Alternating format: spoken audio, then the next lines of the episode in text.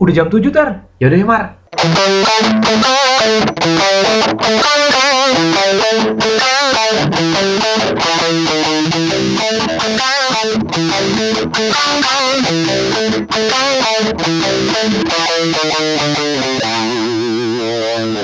Kalau kata orang itu kan hidup orang tuh biasanya um, cobaannya tuh beda-beda ya. Jadi kayak misalnya um, ada orang yang cobaannya tuh di anak misalnya. Terus ada orang lagi yang cobaannya di um, pekerjaan misalnya atau di masalah uang gitu misalnya. Jadi setiap orang tuh katanya cobaannya tuh beda-beda. Kalau gue sendiri ya, kayaknya menurut gue tuh salah satu cobaan di hidup gue itu adalah masalah ART alias pembantu atau alias asisten rumah tangga. Di mana gue selama ini tuh kayaknya udah bertahun-tahun dan berganti-ganti yang namanya ART itu gue kayaknya selalu merasakan pasti ada aja drama-drama yang sampai sekarang sih setiap kali dapet drama itu tuh kayak selalu stres sih, selalu pusing gitu. Gue ngalamin beberapa kali ya ART itu sebetulnya kan gue pakai ART itu kan ketika gue nikah terus kemudian punya anak itu pun di anak pertama gue sotoy mar gue nggak pakai ART jadi gue sok-sokan berdua sama bini gue doang dan anak bayi gue. Dan yang terjadi akhirnya bini gue pingsan di kamar mandi, gue dalam keadaan tipes pada saat itu. Jadi uh, sebetulnya ART itu kan uh, bisa dibilang juga bagian dari kehidupan rumah tangga kita ya. Istri kedua lu kan ya ART itu ya. Jadi kayak jadi uh, menurut gue uh, ART itu jadi krusial sih. Jadi jadi jadi penting gitu karena tanpa ART menurut gue sih kayaknya uh, untuk ngejalanin rumah tangga tuh nggak mungkin cuman bini lo doang gitu. Iya sih, jadi gue tuh even dari zaman gue kecil ya bahkan ya, jadi zaman gue kecil kan udah udah udah punya ART juga gitu ya, maksudnya yang selama gue hidup sama orang tua gue juga, even zaman itu pun tuh udah macem-macem gitu gue ngelihatnya ya, gue gue dramanya tuh udah macem-macem. Gue inget banget dulu pernah ada satu apa satu ART gitu ya. Gue inget nih gue masih kecil, masih masih SD gitu. Jadi um, ini si ART-nya nih cewek dan dia mungkin kayaknya sih mungkin masih muda gitu ya se seingatan gue ya. Jadi kayak mungkin lulus-lulus SMA gitu. Jadi dia datang nih, misalnya hari pertama dia datang, ya udah dia mulai kerja-kerja gitu ya. Nah terus hari hmm. kedua tiba-tiba nih orang kok um, pagi-pagi nggak kelihatan gitu ke mana gitu kan. Terus akhirnya nyokap hmm. gue sama gue coba uh, ke belakang gitu ya, ngelihat ke kamarnya ternyata nih orang lagi guling-guling di kasur kesakitan. Dan kita kan semua eh, panik ya, kita kan semua kaget. Jadi uh, kita kan semua nanya, oh kenapa, kenapa mbak, kenapa? Dia bilang, aduh bu sakit banget ini perutnya sakit banget. Terus emang kenapa? Kan kita semua bingung ya. Terus dia nggak tahu nih bu, kayaknya sih pasti dibikin sama orang. Ya elah capek banget deh. Gila nih orang bener-bener ada apa ada aja gitu loh tiba-tiba dia hari kedua dia bilang perutnya sakit sampai sampai dia guling-guling dan itu bilang dibikin sama orang gitu. Dan akhirnya kan kita bingung, terus mau diapain gitu, coba mau dikasih obat juga dia nggak mau. Terus kita kan apa bingung dan akhirnya akhirnya ujung-ujungnya dia minta pulang. Dan akhirnya dia yeah. um, setelah itu dia pulang dan gue gue lupa sih, kayaknya sih pada saat dia pulang dia kayaknya nggak sesakit yang waktu sebelum dia mau pulang ya. Jadi gue nggak tahu tuh apakah itu memang beneran dia dia memang sakit atau dia hmm. emang emang ini aja acting aja biar dia emang bisa pulang gitu. Gue juga nggak tahu tuh.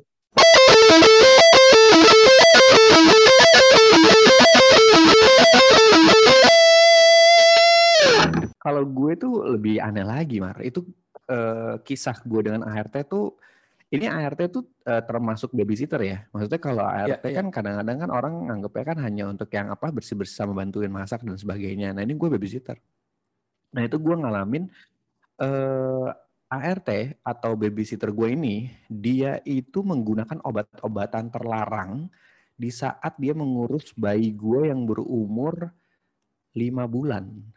Jadi uh, dan dia melakukan teks bebas gitu. Jadi uh, yang terjadi pada saat itu adalah tiba-tiba satpam komplek gue datengin rumah gue, terus dia bilang Pak Heri, uh, saya mau berbicara sesuatu nih tentang uh, babysitter atau ART bapak gitu kan. Terus gue tanya kenapa pak gitu. Jadi waktu itu dia pernah menemukan, jadi ada satu pos yang memang sudah lama tidak ditempati nih, posnya di sekitar komplek gue itu. Padahal nih posnya deket masjid, tapi itu dijadikan tempat orgi oleh Parah si banget anjir. ART gua dengan tukang-tukang yang buat Pondok Indah Mall 3 pada saat Buset. itu. Jadi iya rusuh banget, Mas, rusuh banget. Jadi gua sampai shock kan, nah beneran masa sih gitu kan. Betul Pak, kita pergoki dia pagi-pagi dalam keadaan teler. Terus Hmm. gue nggak percaya dong karena pada saat si satpam itu ngomong si pembantu gue tuh lagi ngegendong anak gue dan gue mukanya muka normal gitu ini apa satpam gue lagi butuh duit gitu ya atau dia minta duit atau apa gitu-gitu ya gue jadi mikirnya aneh-aneh kan gitu tapi di satu sisi gue pikir kayaknya kalau misalkan ini terjadi beneran wah ini resiko banget nih pegang anak gue lagi kan gitu. Nah besoknya oke lah akhirnya gue terima reportnya si satpam gue itu terus ya udah gue besoknya gue coba cek. Nah gue iseng tuh jam 4 pagi gitu ya gue turun ke bawah. Nah eh, pas gue turun ke bawah gitu gue ngeliat si pembantu gue ini si RT gue ini dia udah nyapu nyapu dan ngepel mar. Jadi dia bener-bener nyapu ngepel gitu jam 4 pagi. Jadi kan sebetulnya tidak kok rajin gitu kan?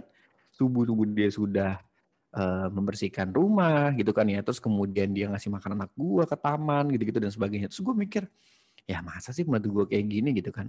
Sampai akhirnya suatu ketika anak gue itu tuh eh, pokoknya ngera, eh, bini gue ngerasa anak gue kok nggak nambah-nambah berat badannya. Eh, jadi udah selama hampir kayak berapa minggu kok biasanya kalau anak bayi kan cepet ya eh, pertumbuhan berat badannya. Ini kok kayak nggak Iya. ada apa kenaikan berat badan gitu. Terus udah gitu sama bini gue di dicek kan gitu. Ternyata anak gue tuh pada saat disuapin sama bini gue lahap banget kayak anak kayak belum makan gitu. Nah terus akhirnya eh terus gue juga akhirnya ceritakan tentang satpam gue ini kan. Terus akhirnya bini gue juga agak mulai curiga nih jangan-jangan emang bener nih kelakuannya. Terus akhirnya eh, satu ketika malam-malam jam 10 malam gitu eh, di di beberapa hari kemudian lah itu gue ngelihat pembantu gue nggak ada di kamarnya gue ngecek gitu iseng gitu jam 10 malam. Gue nggak ada di kamarnya gitu kan? Nah gue udah mulai curiga tuh. Akhirnya karena gue iseng gue tungguin tuh pembantu gue tuh mar harta gue ini pertama kali banget nih gue punya pembantu dengan keadaan gue berkeluarga anak satu ya. Waktu itu tahun berapa? Udah udah lumayan lama sih. Nah terus dan dan umur pembantu gue nih mungkin sekitar 20 early 20 lah gitu. Jadi belum yang nggak muda banget cuman nggak juga tua lah gitu early 20 gitu. Cuman emang udah emang cuman pinter-pinter lah dia pinter gitu. Maksudnya bisa bisa lo lepas sebetulnya. Bukan yang apa harus lo ajarin gimana gimana nah terus udah kayak gitu gue tungguin jam 2 sampai jam 2 pagi itu gue inget tuh sampai gue agak ketiduran dia baru datang tuh cungklang cungklung cungklang cungklung gitu kan. Wih gue bilang tanya kamu dari mana? gitu kan oh saya dari ini pak dari counter counter HP gitu di depan situ. Lama banget kamu keluar gitu kan. Kamu ketemu siapa gitu gitu kan. Gue ya namanya itu kan gue panik juga. Maksudnya gue khawatir juga dong. Gue perlu tahu dia ke mana gitu kan dari jam 10 malam sampai jam 2 pagi. Terus akhirnya eh, akhirnya dia, udah mulai kikuk gitu jawabnya kan. Gini-gini ya udah gitu. Apa namanya? Ya udah gitu. Karena besok gue juga besoknya gue harus kerja jadi ya udahlah Eh, besok deh kamu ngom- ngomong sama ibu ya gitu. Terus ya udah besoknya gue minta bini gue untuk coba deh tanya ini segala macam. Terus bini gue cerita lah tentang siang satpam gue ya cerita ke gue itu gitu. Dan eh, apa namanya pembantu gue itu arte gue akhirnya dia ngaku Mar. Dia bilang iya bu memang saya setiap hari itu mengkonsumsi kurang lebih 20 sampai 30 tablet obat-obatan. Bangsat gue bilang wah wah gila gue bilang. supaya sore-sore gue langsung kayak pas gue pulang kantor terus bini gue cerita bini gue kan shock kan. Bini gue sampai telepon gue di kantor gitu terus gue "Hah, beneran pun gitu ya wah ya udah deh nggak usah dipegang lagi sama dia deh sama kita. Gila. gue takut juga kan. Iya, gila. iya. gitu terus itu udah nah udah kan udah gitu eh, ya udah akhirnya diusut tuh mar diusut diusut diusut akhirnya panggil satpam segala macam jadi rame kan jadi rame terus udah gitu ya udah deh gini aja deh eh, saya nggak bisa nih pakai kamu lagi kata bini gue gitu kan. Terus gue nunggu gue balik terus gue balik gue cerita cerita gitu ya udah kamu gini gini gini terus bener kamu ini kamu punya pacar gini gini iya pak saya punya pacar tapi lebih apa eh, pacar saya tuh kerja di sana di bangunan berarti kan bener dong apa yang diomongin satpam gue kan bener Wah, bener. berarti Gue mukanya emang kok muka muka Tyler. Jadi sebetulnya yang dia konsumsi itu obat-obatan terlarang untuk kayak doping gitu, Mar. Jadi dia kayak malah jadi kayak lebih lebih on gitu. Tylernya tuh dia kayaknya efeknya entah entah setengah malam atau gimana gue nggak paham ya. Cuman maksudnya pokoknya dia jadi jadi lebih dia ngerasa tuh dengan dia minum tablet obat-obatan itu ya, dia dia jadi lebih kuat. Nah, terus eh, ternyata selama ini anak gue itu nggak pernah dikasih makan. Jadi kalau dia bawa anak gue ke taman untuk kasih makan, makanannya dibuang. Jadi Kan anak gue nggak gemuk-gemuk, rusuh banget cuy. Iya makanya, Ini, wah gila. udah, gue udah ngamuk. Iya akhirnya gue ngamuk kan. Terus gue akhirnya gue marah lah sama dia, gue marah-marahin segala macam. Terus udah gitu kayaknya dia mungkin kaget juga. Dia pikir kan maksudnya, ya namanya juga keluarga baru ya. Gue sama bini gue kan juga kikuk banget nih sama ART gitu kan. Selama ini kan gue juga di rumah nyokap gue dong. Terus ya biasa yang ngurusin ART kan bukan gue ya. Jadi gue kayak ya udah gitu-gitu aja santai aja. Pas gue ngalamin keadaan kayak gini, wah nih emang ART rusuh juga ya. Gue bilang gitu kan. Ya udah akhirnya ya udah deh gini-gini. Terus nggak lama ya, itu kayak cepet banget. Eh, Kira-kira sejam setelah itu tuh dia pergi aja gitu. Pokoknya nggak ada babi bu, dia cuma bilang ya udah besok saya saya akan pulang bu segala macam gini-gini. Tadinya gue mau masukin ke polisi mar, karena takut kan dengan keadaan dia Iya, kayak iya. gitu kan, iya kan? Hmm. Wah gila nih. Terus ya, mungkin tapi gue nggak bilang ke dia gue masukin polisi, gue cuman eh, udah niat ke bini gue udah apa kita ini aja ya daripada kita yang kena gitu kan ya. Takut juga gue kan, khawatir juga nih kalau tiba-tiba polisi iseng ngegerebek rumah gue terus tiba-tiba ada eh, obat-obatan di Iya. apa kamar ART gue kan panjang urusannya kan. Terus udah gitu nggak, pokoknya nggak selam habis gue kasih dia gitu, habis eh, gue info ke dia, terus gue bilang, oh kamu nggak bisa nih gini segala macam marah-marah gitu. Sejam kemudian dia cabut, cabut terus udah segala macam. Nah beberapa minggu kemudian, bini gue tuh baru menyadari beberapa kali kayak jamku ke mana ya, ini kok ke mana ya, ban banyak yang hilang mar ternyata. Jadi dia Wah gila kriminal jual-jualin abis. Makanya, makanya rusuh banget itu rusuh banget. Terus itu itu gue agak shock sih. Sejak saat itu gue nggak pernah lagi mau ambil ART dari hasil kenalan-kenalan siapa. Jadi gue Hmm. harus tahu. Mendingan gue nggak apa-apa deh bayar lebih sedikit gitu ya. Tapi yayasannya tuh gue tahu gitu loh. Yayasannya tuh jelas. Terus memang dia digunakan oleh eh, apa namanya orang udah udah udah inilah udah trusted lah gitu. Trusted apa yayasan gitu. Bukan yang kan kadang-kadang kan gitu kan. Ini tukang sayur ini punya teman siapa gitu kan. Eh mau nggak kerja sama saya kayak gitu-gitu kan kadang-kadang kan. Iya iya. Iya kan? Nah ini gua, dengan keadaan kayak gitu, wah gila sih. Karena resikonya kan anak gua gitu kan ya. Jadi gua, wah gila. Takut banget gua.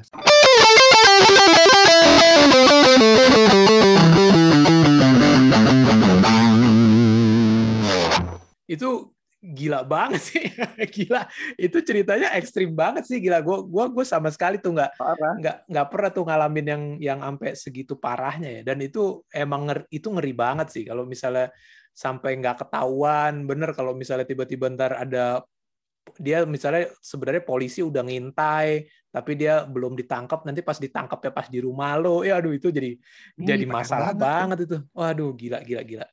Kacau sih kacau. gila, gila gila kacau, kacau kacau. Itu, itu pertama kalinya Mar, gue punya ART. Maksudnya ART yang bener-bener gue gaji ya. Bener-bener yang gue gaji sendiri itu sama bini gue.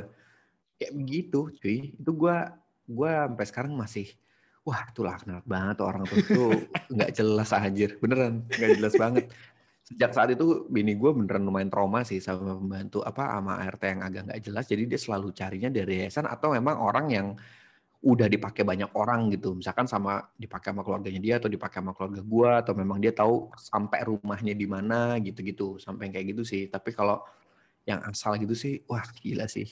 Ya karena balik lagi ya si ART ini kan jatuhnya kayak bener-bener orang yang mengurusi rumah tangga lo ya. Dia tahu daleman lu gimana iya kan? Iya, iya, dia yang bener. nyuci semua baju-baju lu gitu kan? Dia yang eh, bersihin kamar lo gitu-gitu. Jadi dia banyak banget chance-nya sebetul sebetulnya ya gitu. Dan tapi alhamdulillah sekarang sih ya formasi di rumah gua yang satu jago masak yang satu serba bisa gitu. Jadi gua mikirnya ya udah dapet emang cari orang tuh nggak gampang sih ya maksud gua ketika udah dapat yang pas gitu menurut gue sih emang harus lu pertahanin sih Sebenarnya kadang-kadang masalahnya itu bukan apa ya?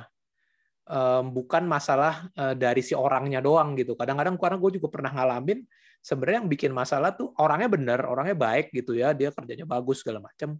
Tapi ntar yang jadi masalah adalah keluarganya atau siapanya gitu, sehingga dia menyebabkan Iya. dia terpaksa harus pulang atau apa gitu. Dan itu gue belum lama ini pernah ngalamin tuh. Jadi em, ini ada satu eh, mbak gue ini ini ceritanya gue udah tinggal sendiri nih ya, udah maksudnya udah udah udah sama Hmm. anak istri gue gitu. Ini gue punya ada satu mbak ya dia dia kerjanya bagus habis itu terus sama anak gue juga udah dekat jadi udah udah udah dekat udah main tiap hari udah akrab gitu lah udah main bareng terus gitu gitu dekat dekat dekat nah apa namanya suatu hari dia tuh minta izin pulang untuk nikah oke ya udah dia habis itu dia nikah pulang tapi itu habis itu balik lagi kerja lagi ya udah kerjakan biasa biasa biasa biasa tapi semenjak itu tuh semenjak dia nikah tuh emang um, kelihatan agak bedanya tuh gini apa jadi kayak dia tuh bentar-bentar megang HP, bentar-bentar harus ngeliat HP gitu loh.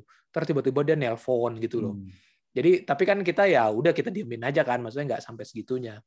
Sampai yang belum lama ini pas sudah pandemi nih kemarin nih belum lama pas sudah pandemi kan waktu itu sempat lebaran kan yang tahun lalu kan nggak boleh pulang sama sekali kan.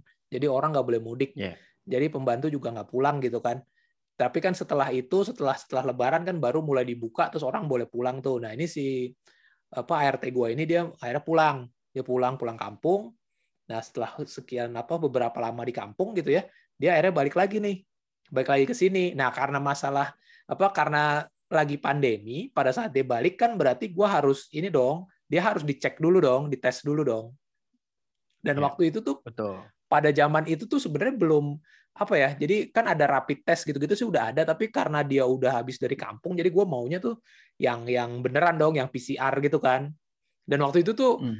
apa um, akhirnya gue anterin di dekat rumah gue ada di rumah sakit gitu drive thru dan gue pengennya kan yang yang hasilnya langsung cepet keluar gitu ya dan waktu itu yang hasilnya H plus satu itu itu yang paling cepat itu biayanya adalah 2 juta rupiah.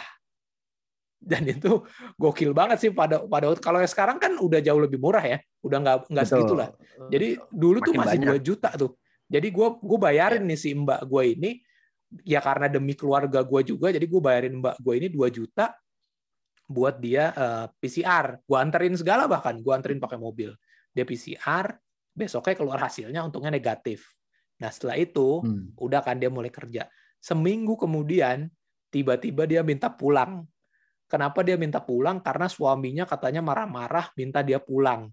Wah anjing gue bilang, gue, gue udah gue udah keluarin duit 2 juta seminggu doang dia minta pulang dan harus gitu dan suaminya dan suaminya sampai ngancem-ngancem kalau misalnya dia nggak pulang dia mau cerai atau gimana gitulah wah ngehe nih orang nih.